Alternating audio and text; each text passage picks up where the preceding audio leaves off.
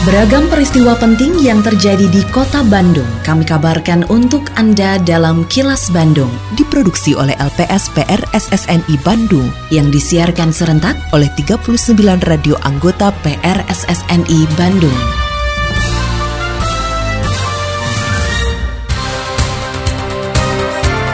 Sejumlah informasi aktual kami hadirkan untuk Anda dan inilah informasi utamanya. Kolam retensi terbukti mempercepat surutnya genangan banjir. DKPP Kota Bandung bakal sediakan pakan hewan untuk kebun binatang Bandung. Limbah peternakan cemari Sungai Citarum. Saya Ita Ratna, inilah kilas Bandung selengkapnya.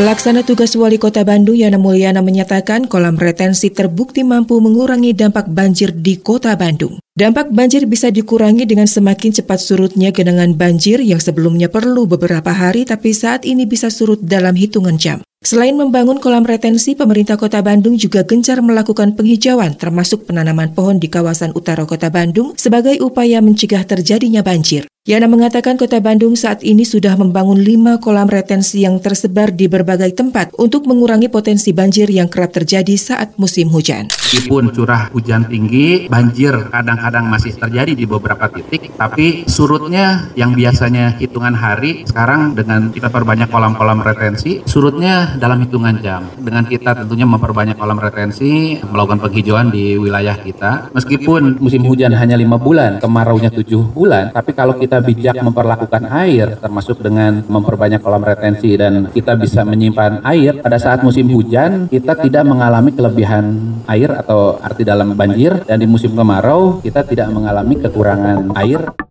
Kolam retensi Pasir Kaliki di Jalan Budi Kota Cimahi yang dibangun bersama antara pemerintah Kota Bandung dan pemerintah Kota Cimahi menggunakan konsep ganda yaitu retensi-detensi. Pelaksana tugas Kepala Dinas Sumber Daya Air dan Bina Marga Kota Bandung Didi Ruswandi mengatakan kolam retensi tersebut bisa menampung 28 ribu meter kubik air sehingga diharapkan dapat mengurangi dampak banjir di wilayah yang berdekatan. Selain itu digunakannya pola retensi-detensi pada kolam retensi pasir Kaliki bertujuan agar kolam tidak hanya berfungsi sebagai penampungan air, tapi juga bisa dimanfaatkan untuk berbagai kegiatan termasuk sarana bermain dan ruang publik. Konsepnya adalah dibuat polanya retensi-detensi gitu. Kalau retensi itu kan ketika banjir tergenang, ketika tidak banjir juga tergenang, tapi lebih sedikit. Kalau detensi itu ketika banjir tergenang, tapi ketika tidak banjir itu tidak tergenang. Makanya itu retensi, ini detensi gitu Pak. Kenapa ini dilakukan? Supaya kalau nanti Cimahi mau mengembangkan mengembangkan ini menjadi ruang publik, ini asik gitu. Ini sengaja untuk Ngabebita Cimahi kita pasang tenda gitu Pak. Ini bisa jadi camping ground gitu. ini juga mungkin kalau di Bandung tuh ada agriculture market, mungkin di sini juga bisa agriculture market gitu, bulanan, mingguan gitu.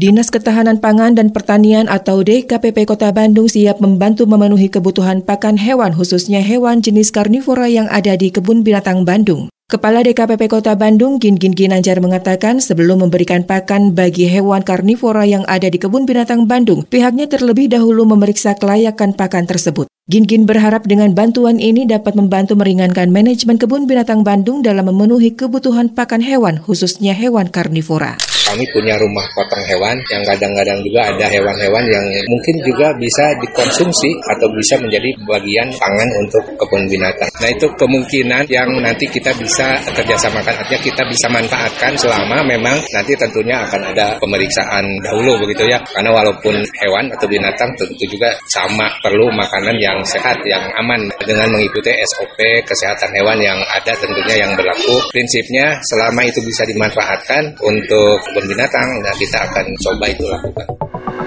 Assalamualaikum warahmatullahi wabarakatuh. Sampurasun. Saya Kenny Dewi Kaniasari Kepala Dinas Kebudayaan dan Pariwisata Kota Bandung Menginformasikan kepada Mitra Pariwisata Kota Bandung Bahwa berdasarkan Peraturan Wali Kota Bandung Nomor 19 Tahun 2022 Tentang pemberlakuan pembatasan kegiatan masyarakat level 3 Coronavirus Disease di Kota Bandung untuk restoran, rumah makan, kafe. Waktu operasional mulai pukul 6 sampai dengan pukul 21. Waktu operasional khusus kafe, restoran, dan rumah makan yang berlokasi di pusat perbelanjaan atau mall mengikuti waktu operasional pusat perbelanjaan atau mall yaitu mulai buka pukul 10 sampai dengan pukul 21. Restoran, rumah makan, dan kafe dapat melayani makan di tempat atau dine-in dengan ketentuan paling banyak 60% dan satu meja paling banyak dua orang dan waktu makan paling lama 60 menit. COVID. Wajib menerapkan protokol kesehatan dan menggunakan aplikasi Peduli Lindungi. Ayo mitra pariwisata, bersama-sama kita wajib melaksanakan protokol kesehatan, pencegahan dan pengendalian penyebaran COVID-19 secara ketat, konsisten, dan disiplin. Iklan layanan masyarakat ini dipersembahkan oleh Dinas Kebudayaan dan Pariwisata Kota Bandung. Kini, audio podcast siaran Kilas Bandung dan berbagai informasi menarik lainnya bisa Anda akses di laman kilasbandungnews.com. Kotoran hewan yang berasal dari usaha peternakan masih menjadi salah satu penyebab terjadinya pencemaran sungai termasuk Sungai Citarum. Komandan Satuan Tugas atau Dansatgas Citarum Harum Sektor 22 Kolonel Infantri Epi Gustiawan mengatakan berbagai upaya terus dilakukan untuk mengurangi pencemaran sungai akibat limbah peternakan tersebut, antara lain dengan menggandeng kelompok peternak dan komunitas. Epi mengatakan keterbatasan lahan menjadi hambatan para peternak untuk mengolah kotoran hewan tersebut agar bermanfaat dan tidak mencemari sungai. Kotoran hewan ini menjadi salah satu permasalahan juga di Sungai Citarum, Sungai Cikapundung gitu ya, mengalir itu. Namun upaya yang kita lakukan memang sebatas dari kelompok-kelompok peternak untuk membuat kompos, membuat kacing, membuat bata. Tapi memang belum semuanya. Mereka punya kemauan tapi salah satu sisi lahan terbatas ya. Karena memang ada terus lahan tempat khusus untuk pengolahan itu. Tapi dengan kegiatan Citarum kita sudah wadahi berkoordinasi dengan pemerintah daerahnya terkait stakeholder ya mau tidak secara bertahap memang koho ini menjadi harus sorotan yang kita perlu tindak lanjuti sehingga tidak mencemari sungai-sungai yang ada di wilayah untuk masuk ke Citarum.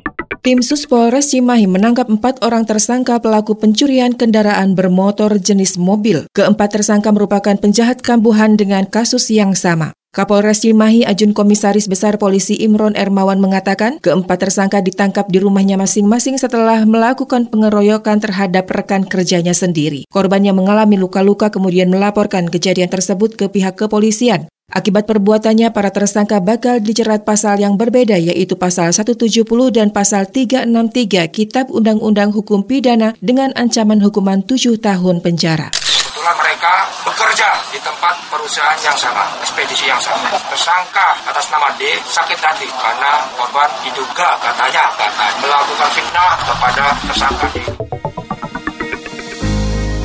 Sebagai penyintas COVID-19 pertama di kota Bandung, pernah merasakan bagaimana terpaparnya tubuh oleh virus corona. Jauh dari nyaman, karena nyawa kita sedang terancam. Jadi, jangan sampai hal tersebut Anda alami. Warga Bandung, pandemi COVID-19 belum usai. Mari disiplin menggunakan masker, cuci tangan selalu, jaga jarak, dan hindari kerumunan masih menjadi keniscayaan. Mari kita jalankan pola hidup sehat, makan teratur, istirahat yang cukup, dan berolahragalah. Saya Yana Mulyana, PLT Wali Kota Bandung. Atur nuhun. Iklan layanan masyarakat